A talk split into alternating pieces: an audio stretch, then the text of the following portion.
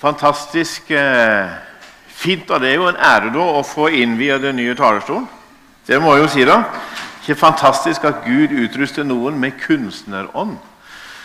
Sånn at de kan lage ting så det er litt sånn andaktig, det vi ser. Og ser vi noen, også andre er litt heldige, så noen forklarer for oss, sånn som Arnold gjorde, så ser vi det når noen sier det, hvordan det skal se ut. Eller hva som er betydningen. Fantastisk bra. Kjekt å se deg. Håper du har starta dagen godt, og det er godt å få være sammen. Jeg tror vi fortsetter å be en liten bønn. Herre, vi takker deg og priser deg for at det er trygt, Herre, og det er godt å få lov til å gi oss til deg, sånn som vi sang om nå. Takk, Herre, for at du er en Gud som tar imot oss, som steller med oss, som trøster oss, som renser oss og utruster oss, og har lov til å gi oss det vi trenger for hver eneste dag. Takk for fellesskapet her, Herre. Vær med ungene nå som er på søndagsskole. Og så ber vi Hellige Ånd at du taler til oss også denne søndagen. Amen. Jeg har satt en eh, overskrift over det jeg vil dele med dere i dag. Det er et sitat henta fra en eldre dame som er død for mange år siden. Hun heter Martha Aga. Og Hun sa i et avisintervju en gang, etter hun har hatt en lang eh, tjeneste i Guds rike, så sa hun det at 'Herren spør deg aldri om du kan, bare om du vil'. Jeg vil tro at de fleste av eh, oss som leser litt jevnlig i Bibelen, har en eller annen form for understreking eller en annen type avmerking i Bibelen for bibelvers som har betydd noe for oss, eller som vi ønsker å huske eh, eller liker godt. Og Det kan være ganske spennende å få lov til å kikke i noen andres bibel og se hva, hva de streker under, hva de har markert. For eh, et langt bibelliv medfører ofte streker og haker og andre merker i Bibelen. Kanskje litt på forskjellige steder, alt dette som en blir eldre og får mer erfaring. En jente jeg eh, vet godt om hun, eh, Det var et par år til konfirmasjon, og hun hadde kom hjem til sin mor og var veldig fornøyd, for hun sa vet du hva mamma, i dag var jeg på loppemarked, og da fant jeg en ferdig understreka bibel. Så da var liksom den jobben gjort, da.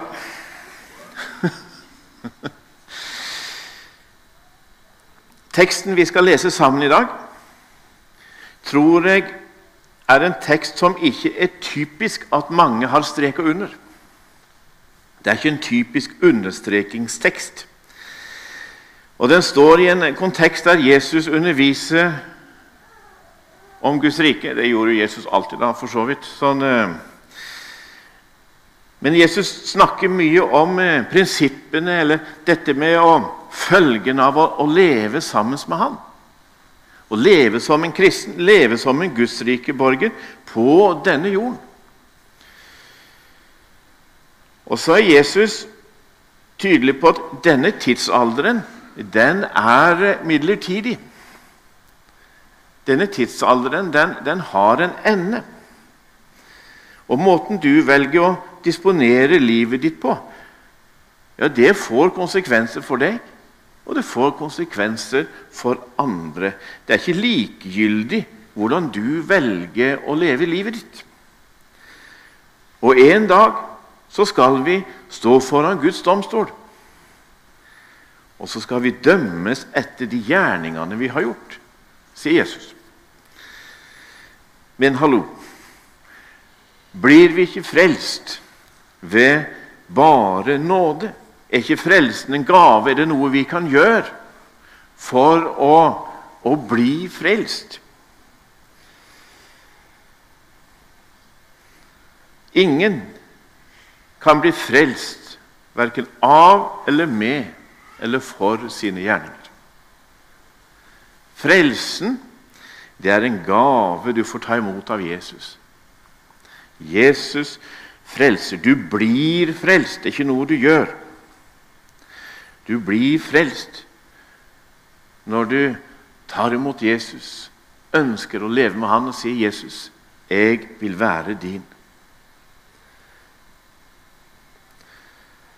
Du kan ikke kjempe deg til frelse. Du kan ikke fortjene deg til frelse. Du kan ikke lide deg til frelse. Ingenting. Samtidig så får du det nåde å kjempe og arbeide for andres frelse.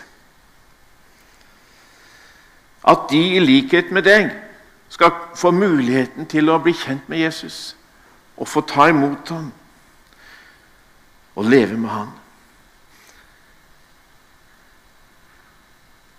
Så vi kan ikke gjøre noe fra at vi kan, vi kan ikke fortjene oss til å bli frelst hos Gud. Men vi kan få lov til å virke for at andre skal få bli kjent med ham. Og Dette er noe av konteksten som, eh, som teksten står i, som vi skal lese sammen nå. For der sier Jesus dersom en av dere har en tjener som er ute og pløyer eller gjeter, vil han da si til tjeneren når han kommer hjem fra markene, 'Kom nå og sett deg til bords.' Nei, han vil si, 'Lag til kveldsmaten.' Bind opp kjortelen og stå, og stå til tjeneste for meg mens jeg spiser og drikker. Etterpå kan du selv få deg mat. Takker han vel tjeneren for at han gjorde det han var pålagt? På samme måte med dere. Når dere har gjort alt som er pålagt dere, skal dere si:" Vi er unyttige tjenere og har bare gjort det vi er skyldige å gjøre. Hvor mange av dere har streka under disse bibelversene? Jeg har ikke gjort det. Hva skal en si til sånt, da? Hvilke bibelvers er det du streker under i din bibel? Hvis du er litt eh, lik meg, så streker du gjerne under bibelord som handler om trøst, om hvile, om fred, det som handler om forsørging, eller at sorg skal bli til glede, håp, styrke. Altså ord og setninger der vi på en måte får lov til å sitte til bords med Jesus. Og bli betjent, bli sett, bli forstått og bli hørt. Og Jeg håper at du vil fortsette å streke under sånne ord, for de er viktige for oss. De er nødvendige for oss. Det er godt og det er nødvendig å sitte til bords med Jesus og pleie tid med Han. Så hvordan passer så disse versene sammen? Det kan virke litt sånn motsetning i det ene budskapet og det andre. Og Så satte jeg og tenkte litt på hvilke bilder kan en, kan en bruke på dette. Og så er Det jo sånn at det, det er jo fantastisk å, sitte, å få sitte og ha barn på fanget. Det er jo stort sett en glede, med mindre de ikke er 100 kilo. Veldig fint. Det å sitte med to barn på fanget, det er jo også en glede. Men det kan gi noen nye aspekter i opplevelsen. Eh, hvis vi skulle prøve oss litt i, i, det bildet. For det kan skje noe i dynamikken. Ikke mellom mor og barn eller far og barn, men barna imellom. Det er noen som skjønner hva jeg snakker om. Det skjer noe der på fanget mellom disse barna. I en annen lignelse som Jesus fortalte, så forteller han om en vingårdseier som går ut på torget, og så leier han inn arbeidere til, eh, til marken sin, skal gå på og høste inn, eller hva de nå skulle gjøre. Og Så går han ut på forskjellige tidspunkt på dagen for å leie de inn. Og Så avtaler han lønn med hver enkelt, og de går og jobber. Og når det blir kveld, da, så hadde noen jobba mange timer. Andre hadde jobba færre timer, og noen hadde jobba bare én time. Og de som hadde jobba hele dagen, de ble veldig begeistra når de så at godseieren eller vingårdseieren når han skulle utbetale lønning, så ga han én denar, altså én dagslønn, til de som bare hadde jobba én time. Fantastisk. Men da de sjøl fikk samme lønn De som hadde jobbet hele dagen og fikk den lønna som de hadde avtalt på forhånd, så ble de sinte og misfornøyde. Det er urettferdig. Her har vi jobba hele dagen. De har jo bare jobba én time. Hallo!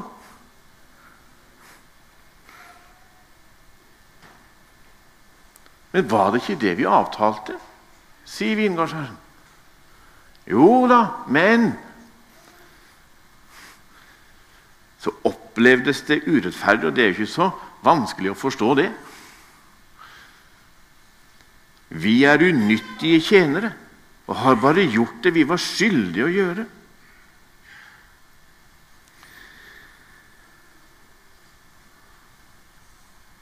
Hvordan opplever vi det andre gjør?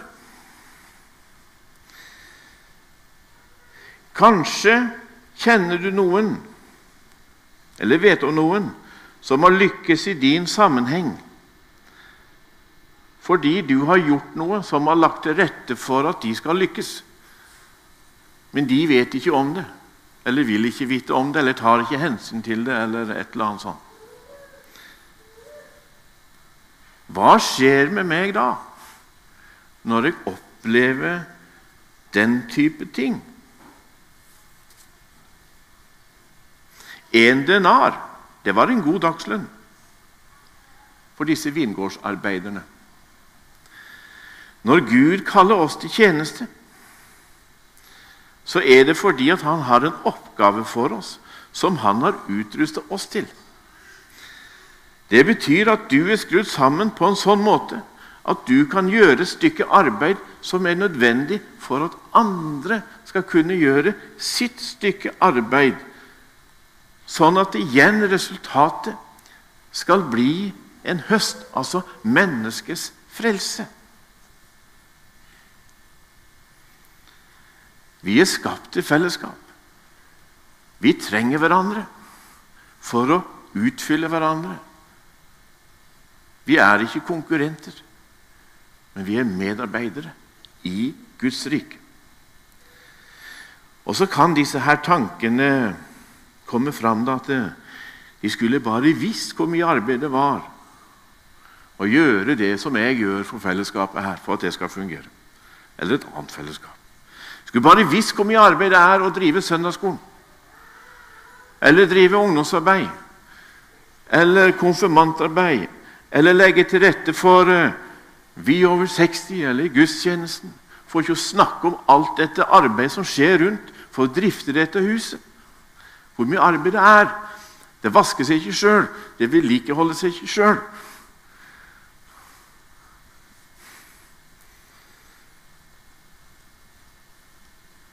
Og så er det mange som ikke ser nødvendigvis hva de andre gjør.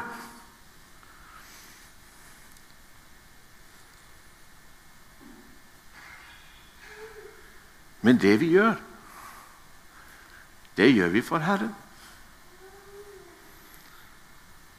Du og jeg, vi har en avtale med Gud. Og når dagen kommer da, vi, da Gud skal summere opp arbeidet, så spør han ikke meg om hva jeg så de andre gjorde, eller hva de ikke gjorde. Gjør jeg deg urett? Hadde vi ikke en avtale? Og så er det sånn da, at hvis ikke jeg gjør min del, så skjer det noe med neste ledd for han som er avhengig av at jeg gjør min del, at han får gjort sin del. eller noe. For vi hører sammen. Vi trenger hverandre. What's in it for me? Hva er i det for meg? Hva har jeg å tjene på denne tjenesten? Hva får jeg igjen for det? Det er ofte en tanke som kan melde seg. Ei dame som heter Mabel, hun var lege i Beijing i Kina. for mange år tilbake. Og Hun var kjent for eh, sitt glade vitnesbyrd om Jesus. Hun gifta seg aldri, for hun ville ta seg av sin syke bror. Familien til Mabel var veldig velstående, de var rike, og de bodde i et hus sentralt i hovedstaden, i, Kina, i Beijing. Men da kommunistene overtok makten i 1949, så endra livet seg brått for Mabel. Fordi hun tilhørte liksom de velstående.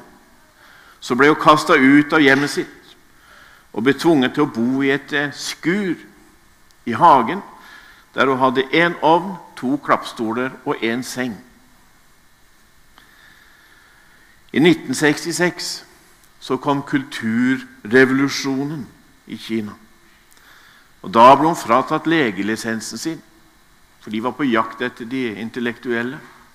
Og hun ble satt til å spa sand.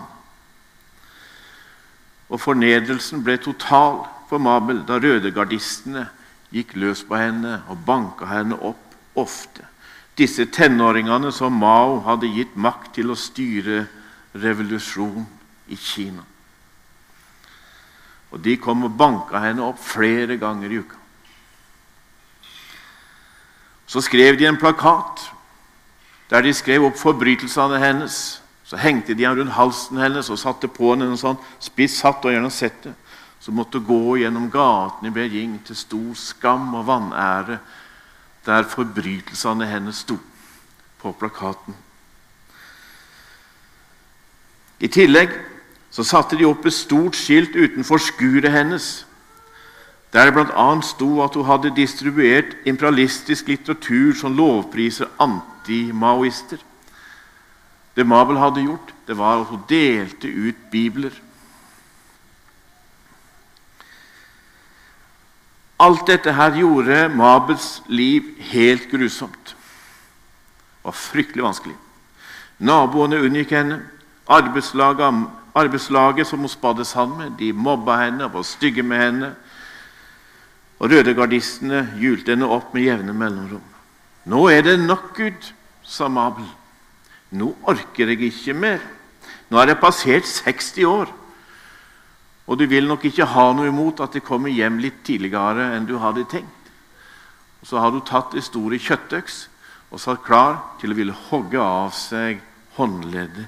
Nå orker jeg ikke mer. Det kom til en grense. Så satt hun der med øksa, og så ber hun siste bønn, og så sier hun, 'Gud, hvis dette er galt av meg, så må du hjelpe meg.' Så begynner hun å gråte. Legger fra seg øksen og la hulkegråt på gulvet. Og så holdt hun ut åtte nye år med hån og med juling og mishandling. I 1976 så døde Mao, og Deng Xiaoping ble den nye lederen i Kina. Kommunistpartiet begynte å distansere seg fra kulturrevolusjonen. Rødegardistene ble oppløst, og Maos lille røde gikk ut av bruk. Men Mabel fortsatte å bo i skuret. Hun fikk ikke huset sitt tilbake. Men det begynte å banke på døra til dette skuret. Folk kom om morgenen, de kom om kvelden, de kom om natta. Flere av dem var, hadde vært ledere i kommunistpartiet, noen var ledere. Og alle ba de og spurte om å ha en bibel. Men kjære dere som Abel, hvorfor all verden kommer dere til meg? Av alle mennesker er ei dame på 70 år.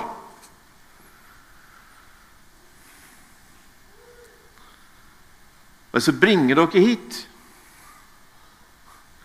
Jo, sier de, for under kulturrevolusjonen så sto det et stort skilt utenfor skuret ditt. Og en av anklagene var at du hadde delt ut bibler. Og nå lurte vi på om du hadde noen igjen. Og så kunne Mabel begynne å dele ut bibler. Fordi en vestlig misjonsorganisasjon begynte å smugle bibler inn. og hun ble en sentral for å dele ut bibler i Kina. Det var godt å få vite hvorfor, sa Mabel etterpå. Det styrket troa mi. Men, sier hun, det var en fryktelig vanskelig tid, og jeg kan ikke si at jeg så Jesus eller følte hans nærvær så mye i den tiden etter kommunismen og kulturrevolusjonen. Men jeg fikk styrke til å holde ut hver enkelt dag, og det var nok. What's in it for me?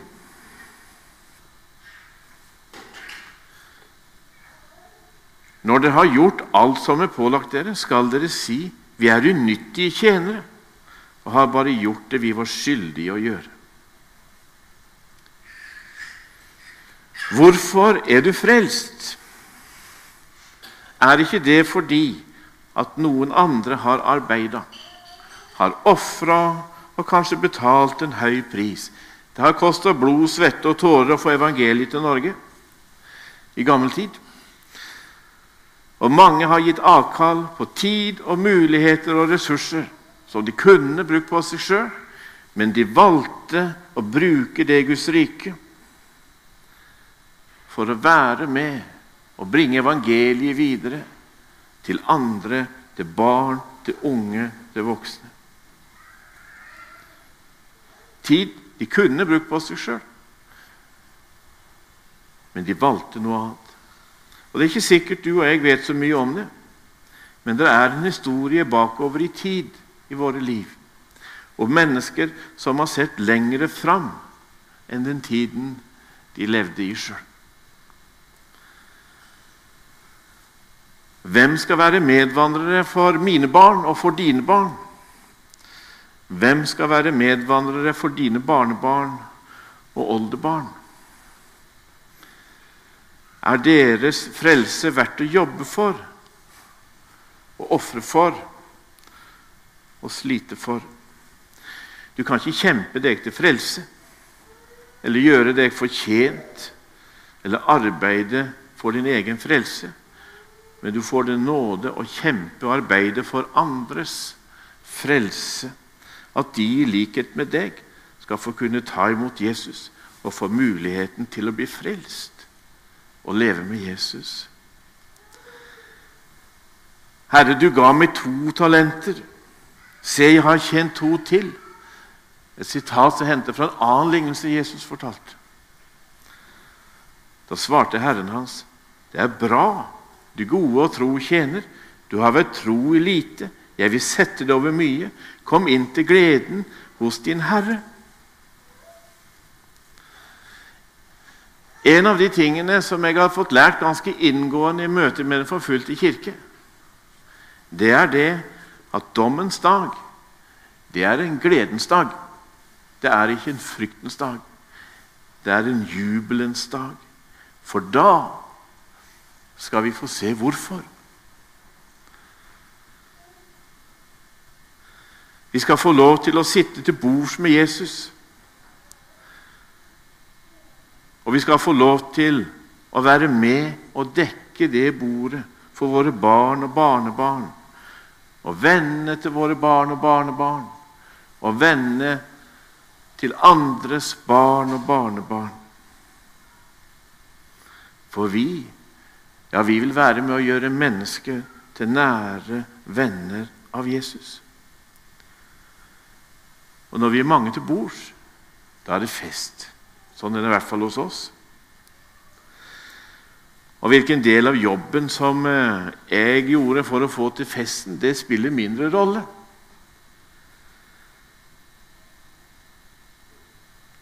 For når jeg sitter ved bordet der og plutselig oppdager at eh, der sitter jo han, og der sitter hun, og der sitter den familien Det visste jeg ikke. Så fantastisk. Tenk at de er med her. Ja, da hadde gladelig levd livet en gang til. Tenk at de blir berga for evigheten. Alternativet er jo en helt annen virkelighet. Vi skal få lov til å være med og dekke bord. Og så har vi en avtale med Gud.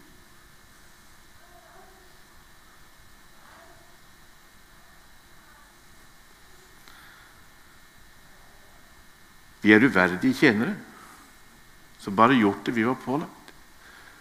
Jo, fordi at Gud hadde en større hensikt. En større hensikt med vårt liv, med ditt liv, med vårt fellesskap.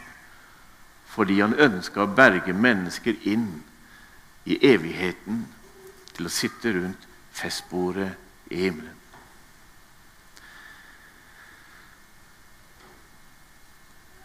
Gode himmelske Far. Jeg har lyst til å takke nå for alle de som eh, har gått i forveien for oss. Som har levd sitt liv sammen med deg og hatt sin avtale med deg. Da takker vi deg, Herre, for at vi får lov til å høste fruktene av deres liv. Så har jeg lyst til å be for både våre liv personlig, men også for dette bedehuset. At også andre mennesker skal få lov til å være med og høste fruktene av det arbeidet som vi legger ned. Og så ber jeg, Herre, at du gir oss glimt av hvorfor du kaller oss til tjeneste. Så takker vi deg, Herre, for at du ikke spør om hva vi kan, men du spør om, om vi vil. Og så ønsker vi å være folk, Herre, som sier, 'Ja, Herre, vi vil være med'. Amen.